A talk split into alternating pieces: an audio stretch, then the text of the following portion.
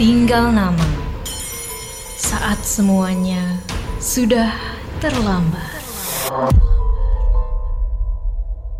Woi, lagi dengerin apa sih? Seru banget. Gue lagi dengerin podcast cuan nih. Dengerin Joyce Taurisanti, CFP dan jurnalis harian Kompas yang ngebahas dasar-dasar investasi saham. Nah, salah satunya kenapa sih investasi bodong itu masih merajalela? Karena ya kita kurang pengetahuannya Mas Adi. Itu doang. Dengerin dulu dong. Cuan ini bahas asuransi juga loh sama Dion Rafael, Insurance Advisor. Lu masih takut kan kalau ditawarin asuransi? Jadi kalau ketemu agen asuransi swasta jangan takut ditanyain justru itu kesempatan. Selain itu, ada Jumiati Partawijaya, CFP dan jurnalis kontan.co.id yang ngebahas investasi saham, emas, dan properti. Jadi kalau pasar saham New York ya, lagi turun, ini pasar saham di Indonesia juga ikutan turun gitu. Eh, satu lagi, satu lagi. Ada sekilas cuan dari kontan.co.id. Di situ ada berita update soal saham dan masih banyak lagi. Biar nongkrong sama anak jaksel lebih nggak kaku, dengerin deh cuan. Cari untung bareng teman. Persembahan Motion FM dan Medio by KG Media hanya di Spotify. Walau konten audio berdasarkan kisah nyata, beberapa adegan, tokoh, dan kejadian telah dimodifikasi untuk menambah unsur dramatis. Konten ditujukan untuk audiens dewasa karena dapat mengandung bahasa eksplisit dan berunsur kekerasan. Kebijaksanaan pendengar sangat disarankan.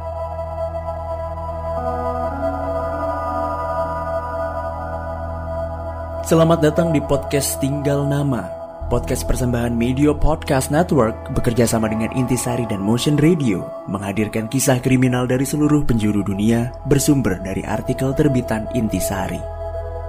Sebelum mendengarkan, jangan lupa untuk klik follow podcast Tinggal Nama dan beri rating terbaikmu.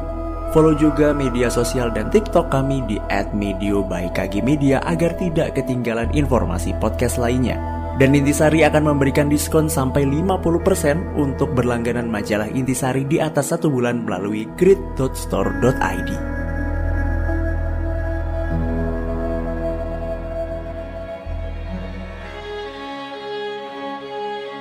Kisah kali ini menceritakan wanita simpanan yang meninggal di apartemen rumahnya sendiri di tahun 1980-an.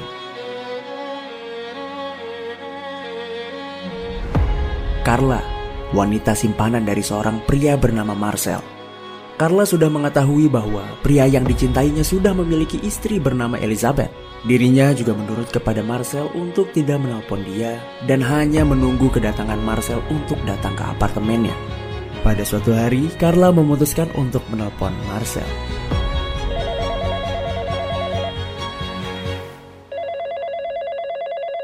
Halo? Halo, sayang. Ini aku, Carla. Ah, mengapa kamu menelponku? Bukankah aku sudah bilang kalau kamu tidak boleh telepon? Apalagi di jam siang seperti ini. Ya mau bagaimana? Aku hanya boleh nunggu kamu datang ke rumahku kalau mau ngobrol. Lalu, kalau aku ada urusan dan telepon pas malam kan nggak mungkin. Kamu nggak mau juga kan kalau istrimu Elizabeth tahu hubungan kita? Iya, iya. Maaf ya, akhir-akhir ini nggak ketemu kamu. Aku jagain Elizabeth dulu. Nggak apa-apa kok. Lagi pula, aku telepon juga sebentar aja. Aku mau ngabarin kalau janji kita kencan di malam minggu ini harus dibatalin dulu ya. Aku harus jenguk si Fulam. Fulem, saudara sepupu kamu. Memang dia kenapa? Iya, dari beberapa hari terakhir dia sakit keras, nggak kunjung sembuh. Jadi aku bakal rawat dia dan temenin dia ke dokter. Kekecewaan Marcel memuncak. Meskipun dia marah, mau tidak mau dia membatalkan rencana kencannya yang telah direncanakan jauh beberapa bulan sebelumnya. Ya sudahlah, kencan kita masih bisa diundur kok. Dengan perasaan kesal, dia langsung menelpon istrinya. Halo? Halo El, ini aku. Hari ini aku akan pulang lebih awal. Oh, oke. Hati-hati ya, sayang. Setelah mematikan telepon dari Elizabeth, dirinya melihat sekeliling kantor dan ternyata kantornya sudah sepi. Kekosongan ruangan menjadikan alasannya untuk pulang cepat. Namun, dia harus membawa pulang berbagai berkas kantor karena sejak perusahaan baru mengambil alih manajemen enam bulan yang lalu, kerjaan Marcel semakin menumpuk. Aduh, kerjaan gue kan cuma akuntansi. Kenapa tambah banyak sih? Belum lagi si bos. Ini tugas dia. Kenapa semuanya dikasih ke gue sih? Tapi mau kesel atau bagaimanapun, apa gunanya? Daripada gua kena pecat. Kekesalan selama perjalanan pulang membuatnya bersiap lebih cepat untuk pulang. Namun, saat perjalanan, Marcel berubah pikiran. Marcel tidak langsung ke rumah Elizabeth, melainkan apartemen selingkuhan tercintanya. Kekesalan Marcel atas batalnya kencan dengan Carla memang masih ada. Namun dirinya tetap mencintainya. Bahkan saat perjalanan pulang, dirinya sempat berhenti ke Sloane Square untuk membeli seuntai bunga untuk Carla.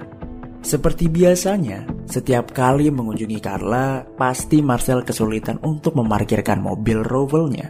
Namun pada hari itu, Marcel menemukan sebuah tempat yang kosong. Saat sedang parkir, Marcel melihat seorang pria yang baru saja keluar dari bilik gerbang blok apartemen Carla. Namun hal yang mengejutkan adalah dirinya melihat seorang wanita dengan mantel biru di belakang pria tersebut. Carla? Marcel melihat Carla berciuman dengan seorang pria sebelum pria tersebut berjalan ke tempat parkir. Dari spion mobil Marcel, dirinya melihat pria yang sebelumnya berkecup bibir dengan kekasihnya menyeberang jalan ke toko majalah membeli koran dan rokok, lalu merobek karcis parkir dan pergi dengan mobil BMW biru. Sudah berapa lama dia berada di apartemen Carla? Apakah Carla selingkuh? Ah, tapi bagaimana mungkin? Hmm, ini nggak bisa dibiarkan. Saat itu, hari sudah gelap. Namun keadaan malam tidak meredam amarah Marcel yang tahu bahwa Carla sudah selingkuh.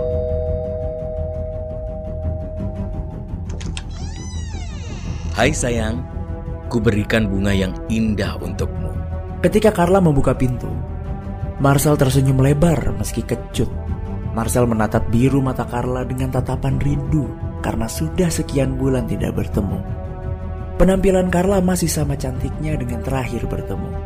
Ditambah dirinya yang mengenakan mantel biru tua dengan daster merah anggur yang pernah Marcel hadiahkan saat Natal tahun lalu. Hai, yuk masuk. Marcel melihat sekeliling. Dirinya melihat di atas meja kaca di tengah ruangan ada cangkir kopi bertulis Snoopy yang selalu Marcel pakai. Cangkir bekas kopi itu kosong. Di sebelahnya terletak cangkir Carla juga dalam keadaan kosong.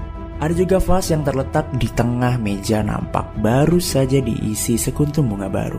Marcel mulai kesal melihat hal ini. Siapa pria yang baru saja ninggalin rumah ini? Um, seorang pengusaha asuransi. Carla tampak santai menjawab sambil membereskan gelas dan piring. Namun, tidak dengan emosi Marcel yang semakin beruap-uap. Asuransi? Bahas asuransi apa? Asuransi percintaan maksud kamu? Heh, kamu jangan asal nuduh gitu deh. Apakah kau biasa minum kopi dengan seorang pengusaha asuransi hanya memakai daster? Coba bayangin, daster pemberianku lagi. Iya, aku akan minum kopi dengan siapa pun yang aku suka. Suka-suka aku untuk pakai apa aja yang aku mau. Terutama pada saat kamu pulang ke rumah untuk nemuin istri kamu. Tapi aku ingin menemuimu. Iya, setelah itu kembali ke pelukan istrimu. Ingat, kamu selalu menganjurkan biar aku bersikap mandiri dan gak selalu bergantung sama kamu. Marcel juga kehabisan kata-kata. Dirinya juga memang mengatakan demikian untuk menutupi perselingkuhan Marcel dengan Carla. Namun Carla mulai mengeluarkan isi hatinya. Oke, okay, tapi apa semudah itu? Aku tahu begitu mudahnya kamu tidur denganku setiap kali kamu mau. Karena aku memang kamu pakai untuk itu ya kan? Hah? Carla tampak sangat emosional. Langsung memukul-mukul badan Marcel. Pukulannya semakin lama semakin sakit. Marcel tidak kuat menghadapi amarah Carla dan dirinya langsung mendorong Carla serta memberikan tinjunya pada perempuan bertubuh mungil itu. Ah, cukup! Carla jatuh ke lantai dan belum sempat dirinya bangun, Marcel meninju rahang Carla. Marcel, cukup! Sakit! Sakit! Ah! Tinju terakhir Marcel membuat Carla tergeletak di lantai. Tanpa memperhatikan kondisi Carla, Marcel langsung pergi meninggalkan apartemen. Dirinya penuh amarah karena penuh dengan kekecewaan atas perselingkuhan perempuan yang dicintainya. Namun dirinya menyesal atas apa yang telah dilakukannya kepada Carla. Ah, sial! Mengapa gua bisa ngelukain orang yang gua cintai? Udah banget gua. Seharusnya gua paham kalau dia pasti begitu karena kesepian. Sesampainya Marcel pulang, dirinya tampak kelelahan. Elizabeth mengurungkan niatnya untuk bertanya keterlambatan Marcel karena dia berjanji akan pulang cepat. Sayang, kamu baru pulang. Maaf ya, aku jadinya terlambat pulang. Tapi hari ini aku capek banget. Ini bunga untuk kamu. Terima kasih ya Marcel. Oh iya, makan malam sudah siap. Elizabeth langsung tersenyum mendapat bunga yang mulanya diberikan Marcel untuk Carla. Mereka makan malam dengan cepat. Setelah itu Marcel langsung naik ke ruang kerja. Dirinya ingin menelpon Carla. Namun keinginan dia hanya pada sampai niat saja. Gua harus menelpon Carla. Tapi gua takut dia masih marah padaku.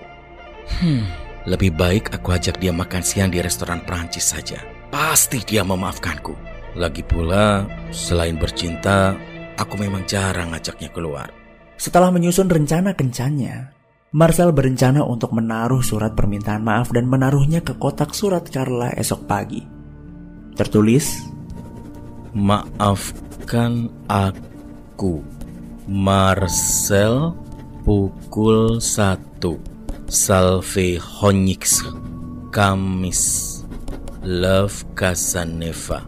Esoknya Marcel berangkat lebih pagi. Dirinya bergegas ke apartemen Carla dengan menggunakan jalan pintas. Namun sayang, keinginannya berhenti setelah melihat kemacetan total. Sial, kenapa pagi-pagi ada kecelakaan segala sih? Kekesalan Marcel menghilang setelah melihat adanya ambulans dan beberapa mobil polisi di depan apartemen Carla. Kalau gini, aku bisa telat nih ke kantor. Lebih baik nanti aku menelpon Carla? Marcel terkejut bahwa selain melihat ada jenazah perempuan yang dibawa oleh ambulans, dirinya melihat polisi membawa kantong plastik bening berisi daster merah anggur milik Carla. Hah? Enggak, enggak mungkin. Lebih baik gue pergi dari sini. Kemacetan mulai mereda. Marcel langsung sesegera mungkin ke kantor. Setelah sampai, Marcel langsung pergi ke toilet. Diropeknya surat yang ingin dia berikan ke Carla. Lalu dibuangnya surat tersebut ke dalam kloset. Gak, gak mungkin Carla meninggal. Apakah ada pria simpanan Carla yang ingin membunuhnya? Mengapa dia begitu tega? Perasaan Marcel begitu hancur. Namun kehancurannya berhenti karena bosnya menagih tugas-tugas yang tertunda. Marcel, apakah laporan bulan Mei, Juni, Juli sudah ada? Uh, ma maaf bos, masih belum. Saya janji siang ini akan selesai. Lambat sekali pekerjaanmu. Ya sudah, nanti siang laporannya sudah harus di meja saya ya. Selesai menyerahkan laporan, Marcel segera keluar kantor dengan alasan mau makan siang lebih awal. Di restoran, Marcel membeli koran harian pagi standar untuk mengetahui apakah ada tulisan tentang kematian Carla. Dengan tergesa-gesa, Marcel membuka koran. Halaman pertama, halaman kedua, dan akhirnya dirinya menemukan berita Carla. Carla Murlan, umur 32, ditemukan tewas di rumahnya kawasan Pimlico tadi pagi. Detektif Simmons menjelaskan Penyelidikan atas kasus ini sedang berjalan. Hasil pemeriksaan patologis ditunggu. Sementara ini belum ada tersangka yang dicurigai. Berita tersebut membuat Marcel semakin panik. Dirinya tidak bisa tidur di malam hari dan terngiang-ngiang oleh rasa sedih dan bersalah atas kematian Carla. Dirinya terus mencari berita terkait Carla di radio. Dirinya tidak menemukan karena tertimpa dengan sorotan pemilihan presiden Amerika Serikat yang baru. Suatu pagi, Marcel melihat koran Daily Express dan melihat headline Lover Steve Murder. Buru-buru Marcel pergi menuju kamar mandi agar tidak ketahuan istrinya yang masih tertidur. Gawat! Pihak kepolisian kini sibuk mengusut kasus kematian sekretaris cantik asal Pimlico, Carla Moreland, yang ditemukan tewas di kamarnya kemarin pagi. Detektif Simmons dari Scotland Yard semula memperkirakan kematian Carla bukan karena pembunuhan, tapi dari hasil pemeriksaan sinar X atas mayatnya ditemukan fakta rahang korban remuk. Apa ini akibat pukulan benda keras? Dan apa ada yang melihat mobil Rovelku? Marcel terkejut karena terdapat saksi mata yang melihat mobilnya keluar dari area apartemen Carla. Dan lebih mengejutkan lagi, berita ini juga ada di televisi. Terdapat seorang saksi mata Maria Lucia, pembantu Carla yang berusia 48 tahun. Dirinya mengatakan bahwa majikannya sedang menemui seorang tamu lelaki ketika ia meninggalkan flat Carla pada pukul 5 sore saat peristiwa. Sementara, saksi mata lainnya, Nyonya Rita Johnson, tetangga sebelah korban melihat seorang lelaki meninggalkan flat Carla sekitar pukul 6 sore. Pria tersebut kemudian menuju ke sebuah toko koran yang terletak di seberang jalan sebelum akhirnya pergi.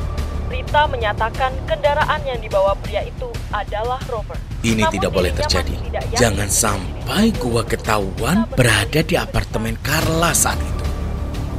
Ketakutan Marcel membuatnya menelpon detektif Simmons. Tanpa menyebutkan jati dirinya, Simmons dengan senang hati menerima informasi tentang kasus pembunuhan Carla. Detektif Simon Scotland Yard di sini. Ada yang bisa saya bantu? Uh, halo, saya melihat seorang pria meninggalkan flat Carla sore itu Di mana Anda pada saat itu berada? di halte bus di jalan depan flat. Dapatkah Anda memberi deskripsi tentang pria tersebut? Tinggi kira-kira 180 cm, eh, badannya tegap, mengenakan mantel hitam dan berdasi coklat. Masih ingat mobil yang dipakai? Kalau tidak salah, ia memakai BMW.